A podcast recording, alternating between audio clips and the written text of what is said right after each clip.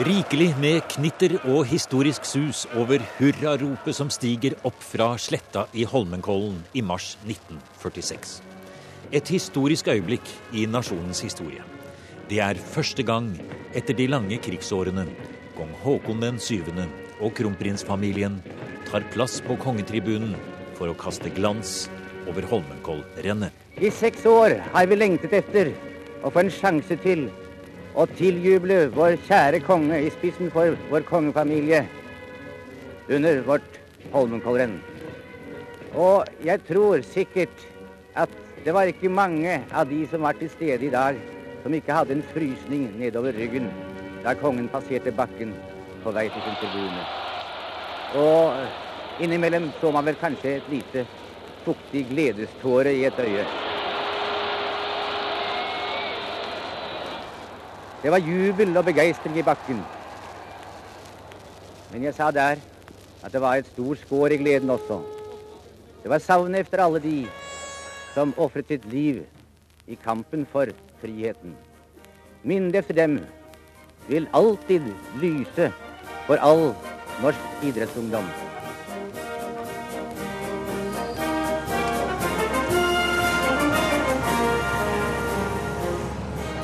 Det finnes et berømt bilde av kong Haakon, tatt nettopp denne dagen. Det viser den karakteristiske høye og slanke kongeprofilen, som går med treski og bambusstaver fram mot kongetribunen. På seg har han en flott pelsjakke over sportsdressen. Og det er den jakken, og nær sagt jakkens innhold, det skal handle om i museum i dag. Men da må vi manøvrere oss forbi anleggsmaskiner og hektiske forberedelser til årets VM for å komme oss inn i fjellet under Holmenkollbakken.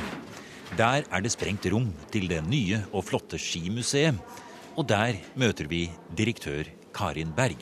Og der er den Der, der er trikkesetet, det berømte trikkesetet med kongen på trikken, da. Ja, det er hvor er Olav det satt. autentisk, altså. Ja. Er det også Ja, ja. utstyret han hadde på seg Da? Ja, det er det. Og du ser alt Altså, man tok jo med seg stavene inn på trikken. Ja, og de også, står der, ja. De er her. Og så har vi jo de første barneskiene til kronprins Olav. De er vi veldig glad for, med Nei, se på de små skiene som henger der. Dette er skiene til Nei, kongen. Kong? Haakon. Altså, disse skiene brakk han. Hm? oh, ja, de er reparert. Og så er de reparert. Istedenfor å si at jeg er konge, jeg skal ha nye ski, Ja, ja, ja. så viser dette nettopp nøysomheten igjen. Og så igjen. viser det at han jo gikk eh, Vi kan vel ikke si på trynet når det gjelder kongefamilien, men altså at de falt litt diskré i snøen så det brakk. Ja, de var jo mennesker, de òg. Det er langt fra bare kongelig skihistorie direktør Karin Berg kan vise fram på Skimuseet. For øvrig Norges best besøkte turistattraksjon, som til og med slår Vikingskipshuset. Her er hele den norske skihistorien. Med unike og originale gjenstander gjennom sport, fritid og polarhistorie fra Amundsen og Nansen til Børge Ausland. Men vi har ikke glemt hvorfor vi har kommet. Karin Berg trekker oss bestemt mot en helt spesiell monter i kongeutstillingen. Da her. drar jeg dere rett bort til, eh, her er til selve broderiet i kongens jakke. Vi står og ser på en flott pelsjakke med sort silkefòr. Pelsen er fra reinsdyrkalver, og den høyre siden av jakken er brettet litt ut, slik at vi kan se broderiet som er sydd inn i kongens jakke.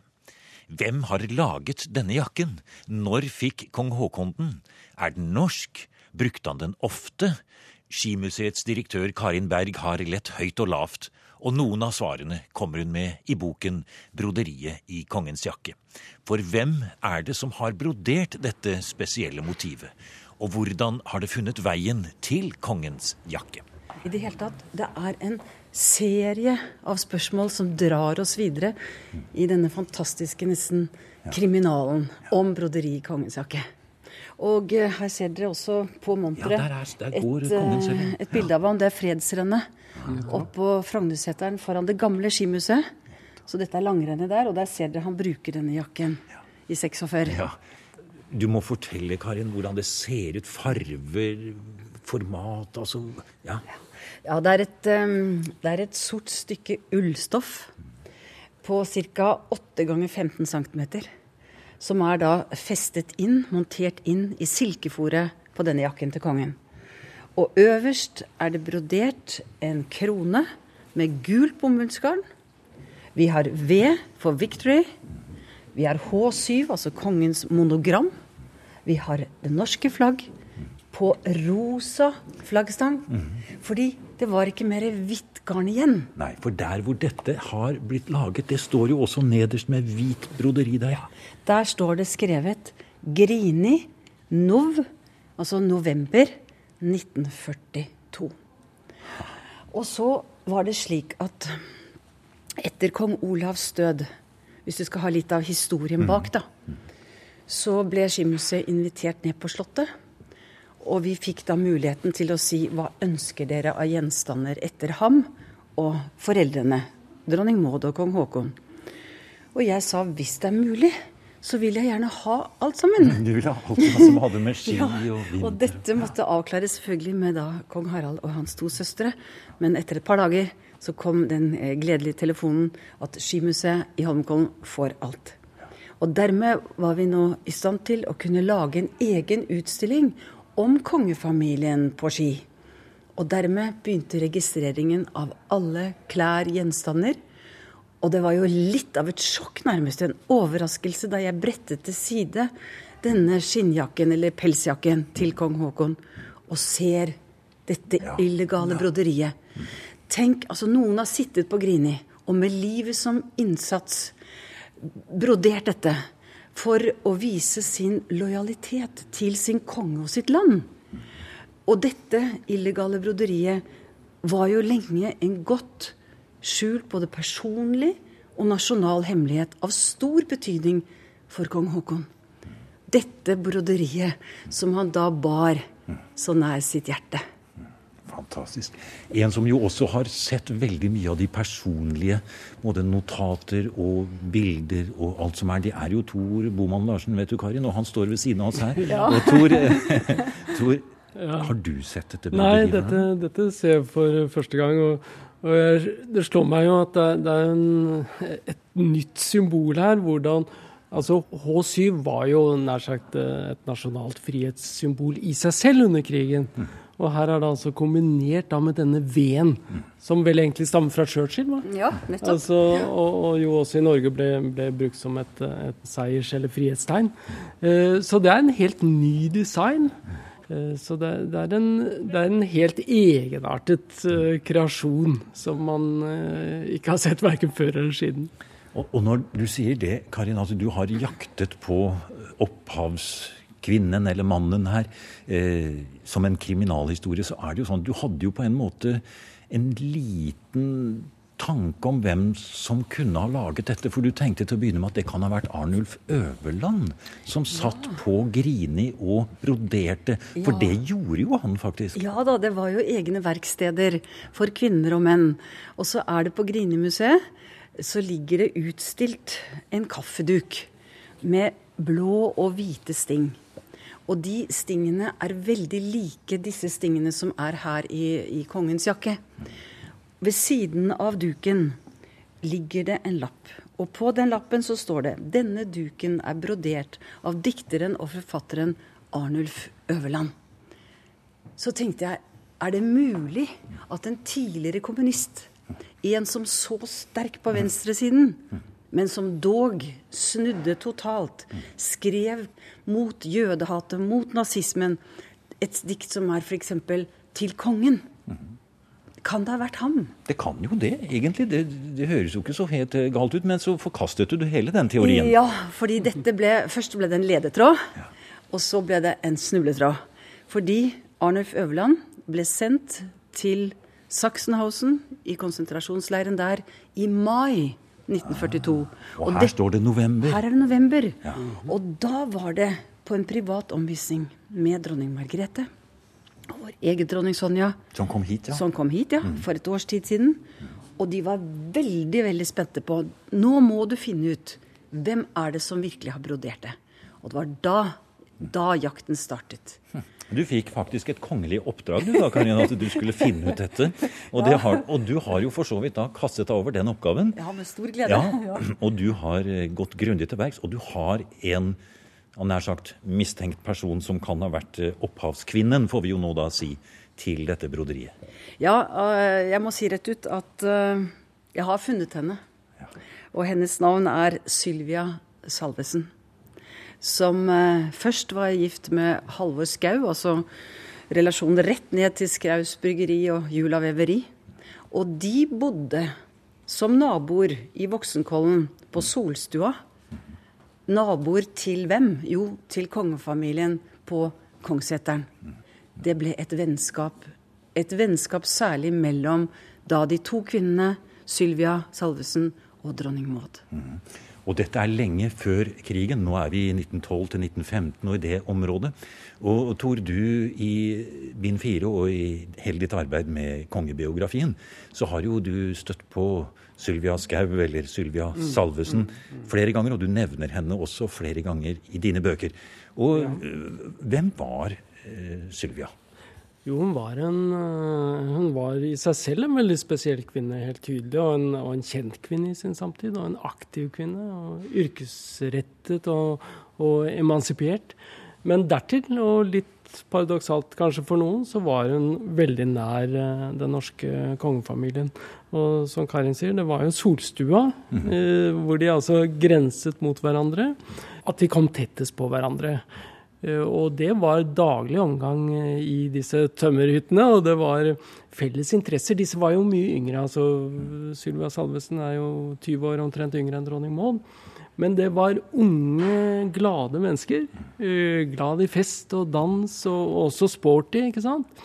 Sånn at, at det var folk som, ikke minst dronning Maud, men også for all del kong Haakon, følte seg tiltrukket av.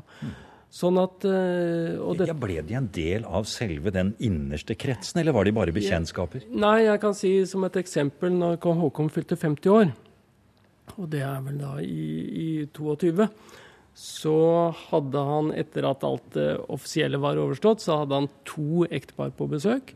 Det var hans gamle sjømannskamerat fra, fra København, eh, Kai Reinhardt, med frue og det var ekteparet Skau. Mm. Sånn at dette var i den norske vennekretsen, da. Eh, på 20-tallet og på, på 30-tallet også, så, så, var det de nærmeste. Det tror jeg nesten vi kan si. Altså De de hadde oftest omgang med. Bodde også gjerne på Bygdøy, eh, i, i overnattet, ikke sant, og var, var selskapelig omgang. Eh, kanskje mer enn noen andre. Ja, det er et par sånne par. Vi har jo ekteparet Stang også, og forskjellig, men, men, men uh, det unge paret Skau er veldig tett. Mm, ja, og Karin, jeg, når vi står her foran denne flotte jakka her og ser på broderiet, så er vi jo nå, det som Thor forteller om her, ennå eh, si 20 år før broderiet blir til. Eller i hvert fall på 20-tallet er vi nå. Og da tenker jeg på Charleston, ragtime, quickstep, ja. alt som du også beskriver i din bok. Det var et sånn type forhold. De var glade, de festet, hadde det moro, hadde selskapeligheter. Det var det indre livet som da Sylvia tok del i. Ja, absolutt. Og de var, som Tor også sier, de var jo veldig friluftsinteresserte. Vi har jo masse bilder av dem hvor de rir på på Bygdø kongsgård, og vi ser dem på ski sammen. Så dette er også på en måte litt av identiteten som overføres til, til dronning Maud fra Sylvia. Hun, hun, var den som på en måte ga gode råd når de kom da fra Danmark, om å tilpasse seg, hvordan tilpasse seg litt norsk levemåte og levesett. Hva tror du, Tor, dette, denne forskjellen mellom disse to kvinnene? De, de er selvsagt ulike i, i, det ytre, ikke minst av utseendet. Altså, Sylvia Skau var jo høy, høyreist. En flott dame, ser vi på bilder. Ja, hun var helt påfallende i sin samtid, og, og dertil alltid i siste siste skrik. ikke sant? Men vi skal ikke glemme at dronning Maud hun er 20 år eldre. Men hun er jo en ung pike i sitt indre. Hun blir jo aldri helt voksen, dronning Maud. Hun beholder dette ungpikeaktige, prinsesseaktige hele livet. Alltid opptatt av de siste dansetrinnene og følger med i motebildet. Så det er klart at en type som Sylvia eh, hadde veldig mye å gi eh, for henne. Altså en, en, dame som gjerne vil henge med, ikke sant i, også i det europeiske bildet. Eh, Sylvia Salvesen var jo også veldig internasjonalt franskorientert, ikke minst. Det var også Maud. Motmessig osv. Så, videre. så Så dette var en utfordrende og, og morsom venninne, samtidig som selvsagt eh, Sylvia Salvesen på sin side eh, hadde jo mye å hente i det kongelige. Historien om broderiet i kongens jakke, slik Karin Berg på Skimuseet forteller den, er historien om Sylvia Salvesen og hennes liv og samtid, nært knyttet til kongefamilien. Og et tegn på hvor nær Sylvia Salvesen sto dronning Maud, ser vi på dronningens siste reise. Svært få fra Norge ble tatt med til dronningens private residens på Appleton i England, sier Tor Boman Larsen. Men Sylvia Salvesen var en av dem, og hun var også en av de ytterst få som var til stede ved sykesengen da dronning Maud døde i London i november 1938. Ja, hun er med som nærmest en selskapsdame. Altså, dronningen hadde, hadde gjerne med Eh, med venner. Stort sett så var det jo engelske gjester på Appleton. Det var ikke så mange norske, men, men, men Sylvia var med. Og, og datteren, såkalte Lille-Sylvia, var jo også flere ganger på Appleton. Og, og hun er med på, på, denne siste reisen. Det er vel en to-tre ukers tid de ligger på, på Appleton. Tettere på dronning Maud enn Appleton kommer det egentlig ikke. Nei. Etter dronning Mauds død fortsetter Sylvia Salvesen og hennes familie å holde nær kontakt med kong Haakon og kronprinsfamilien. Når krigen kommer, bestemmer den aktive og utadvendte Sylvia Salvesen seg for å gå inn i motstandsarbeidet. Hun driver bl.a. en veldedig forening, Blåklokkene, og den gjør hun om til en illegal organisasjon som hun gir et mer passende navn. Ja, det er, det er også så, så, rørende. Det er um, fra Blåklokkene, som du sier, til Tenk, tenk det så vakkert. Kongens budbringere. Ja, nettopp. Det kan ikke bli sterkere. For hun engasjerer seg jo da i bl.a. fluktruten over til Sverige. Ja, det er det hun blir satt inn for. Altså Hun ble satt inn på Grini faktisk to ganger. Den første gangen sammen med sin mann, eh, men slapp ut etter en uke. De var såkalt kongegisler.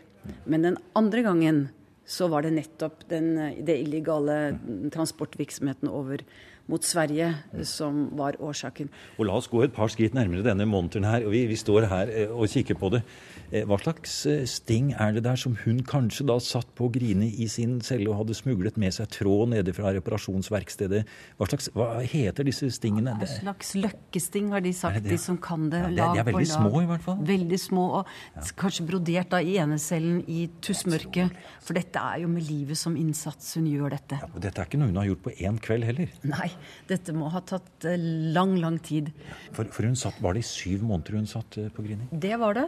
Før hun da ble sendt i transport til Tysklands største kvinneleir, Ravensbrück. Og hun visste jo at kanskje kom hun aldri tilbake. Så hun um, må ha fått smuglet dette ut. Og nok et spørsmål. Hvem smuglet dette ut? Hvordan kom det til slutt til å bli montert i kongens jakke, og av hvem? Og når? Altså Det er en rekke sånne utrolig spennende spørsmål som drar deg med stor kraft videre. Jeg tror jeg har funnet en forklaring. Men uh, jeg har ikke lyst til å fortelle alt her og nå. Nei. Nei, for du forteller om dette i boken din, og det vi bare i hvert fall kan si, det er at broderiet kom ut fra Grini, for hun kunne ikke få tatt det videre med seg til Ravensbruk. Så, så, mest sannsynlig så har vel dette da blitt holdt i skjul under krigen, og så har kanskje kongen fått dette når han da kom tilbake eh, til Norge. Ja, et stikkord også er jo nettopp at hennes mann, professorlegen eh, Harald Astrup Salvesen, han ble jo kong Haakons hofflege i 1950. Mm. Så nærheten altså, det er sånn, De flytter liksom etter kongefamilien. Mm. Fordi de flytter da fra Solstua ned til Parkveien 47B. Så de er fortsatt veldig tett på naboer. Så vi ser jo bilder som dokumenterer denne nærheten. Dette med at vennskapet fortsatte etter krigen og etter at dronning Maud var død, og de hadde kong Haakon 7. og Sylvia Salvesen et, et nært personlig forhold. Eh, som da rådgiver, venner, fortrolig eller, eller, leser man noe mer inn i det? Og gjorde samtiden det, Tor? Altså, Hvordan ble hun oppfattet av de øvrige i nær sagt eh, hoffkretsene som, som, som, vanket i dette miljøet? Jo, altså det var jo et rykte i samtiden, selvsagt. Det er jo alltid masse rykter rundt de kongelige. Og eh, det nærmeste jeg eh, fant i minnekilde, var Ingeborg Fearnley, som jo også sto kongehuset meget nært, og var uh, nesten påtroppen en uh, overhoftmesterinne. Hun skriver jo at Sylvia Salvesen er den viktigste informatøren for kongen. Altså, som holdt han underrettet om hva som foregikk så å si det norske samfunnet i, i, i ledende kretser og som kongen stolte på. Og så stiller hun spørsmålet om Hun antyder at Sylvia legger an på kongen. Eh, og så uh, sier hun kanskje elsker han henne. Men selv hun som er så tett på, må stille et spørsmålstegn. Og det spørsmålstegnet er det ikke rart at henger der, men, men på den annen side, når man går inn også i kongens korrespondanse og, og, hvordan de ordlegger seg, så er det egentlig ikke noe som peker dit hen. Og at da samtiden spekulerte rundt dette, og kanskje med kongen som satt i månedsvis ensom på Slottet og gikk over i Parkveien og spilte bridge, det er ikke merkelig. På den annen side så er det klart at dette var et familiært forhold, hvor også hun har et nært forhold også til dronningen. Og, og, og doktor Salvesen var jo også en del av denne Som jo da ble også kongens livlege i 1950. Ja, riktig. Så, Så, det var jo mange gode grunner til å gå over i Parkveien til Salvesens, uh, Karin? Ja, så Sylvia Salvesen hun var usedvanlig vakker. Uh, med meningers mot. Hun, hadde, hun var en personlighet i, i, i samfunnet. Um, hun var en person med stor integritet og stor og tung verdighet. Men uh, i mine, min, min, lille forskning rundt dette, eller dypdykk, så kan jeg ikke se at det er noe som antyder uh, slike hjertevarme vibrasjoner på det plan mellom eller fra kongens side og vice versa. Men hun var en som fylte rommet, som tok rommet med sin intelligens, sitt vidd. Altså hun, hun, hun uh, hun ville blitt en av Nansens kvinner, tror jeg faktisk. Eller det, kanskje, ja. ja Nansen var kanskje noe mer pågående. Vi kan si kong Haakon var, han var veldig påpasselig med sin verdighet. Det er klart at det finnes alltid en rykteflora rundt et slott. Men, men den er utrolig beskjeden. Eh, rundt det norske slottet. Uh, I forhold til hva den kunne ha vært. Og det har selvsagt også noe med at kongen og dronningen for den saks skyld uh, ikke åpnet for så veldig mange sånne muligheter til spekulasjon. Så kommer altså det tidspunktet da hvor kong Haakon 7. ønsker å få dette brodert inn i sin jakke etter krigen en gang det at han velger det, Tor, det at han vil ha dette brodert inn på et plagg som han bruker i en sånn helt spesiell, nær sagt seremoniell sammenheng. For det er det jo når kong Haakon 7. kommer til Holmenkollen. Ja. Da er det skikongen som kommer, nær sagt, holdt jeg på å si. Altså det, Absolutt. Ja. Det er jo bare parallelt til 17. mai og Slottsbalkongen. Så, ja. så det er, dette er jo sånn sett nærmest igjen eh, som å se kongen i sjakett og flosshatt ja, på slottsbalkongen. Det er den type ja. antrekk. Og bak fasaden, nær sagt, fasaden er da jakken. Det er den alle publikum ser. Og han kommer, ser vi på ski på bildet her, går oppover. Innenfor der, som bare han vet og noen andre vet, så bærer han altså dette broderiet. Og det, det er nesten som om han har da to sider, bokstavelig talt. Ja, og det som slår meg, er jo at én ting er monogrammet og kronen og, og vedtegnet, men så står det altså Grini. Mm. Eh, og det er hjemmefronten som han bærer her på, i, i jakkefòret. Kongen var jo ute. Han satt i London og, og, talte via BBC hjem. Men hele tiden så understreker han at det er hjemmefronten, det er de der hjemme som bærer byrdene. Vi har det greit eh, her i London. Vi har mat, vi har, har klær, vi har frihet. Men, men det er de hjemme som lider under okkupasjonen.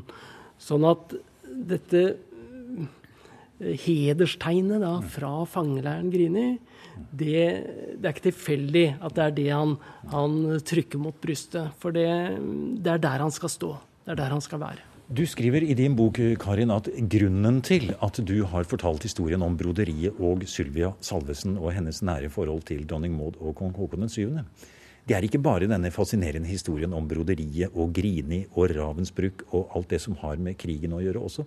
Men det er, skriver du, at du ønsker å gi Sylvia Salvesen den plassen i norsk krigshistorie som hun fortjener. Eh, Og det må du si litt om. Ja, for at hvis du går gjennom krigslitteratur, store, tunge bind, så er hun jo knapt nevnt. Og nå har jeg da fått muligheten til å løfte denne kvinnen opp og ut i det offentlige rom. For hun fortjener, som du sier, hun fortjener en tydelig, eller tydeligere plass i vår krigshistorie. Og hun skriver jo boken 'Tilgi, men glem ikke' i 1947. Nettopp dette budskapet at dette må ikke skje igjen. Så hun reiser jo land og strand rundt og formidler dette med stor innlevelse. Hun har jo opplevd det selv. Dette må ikke skje igjen. Og nå i dette øyeblikket uh, formerer skiløpere nede på sletta H7, bokstaven H7. Og nå kommer Hans Majestet Kong Haakon. Nå går kongen over forbi hoppet. Jubelen stiger mot ham.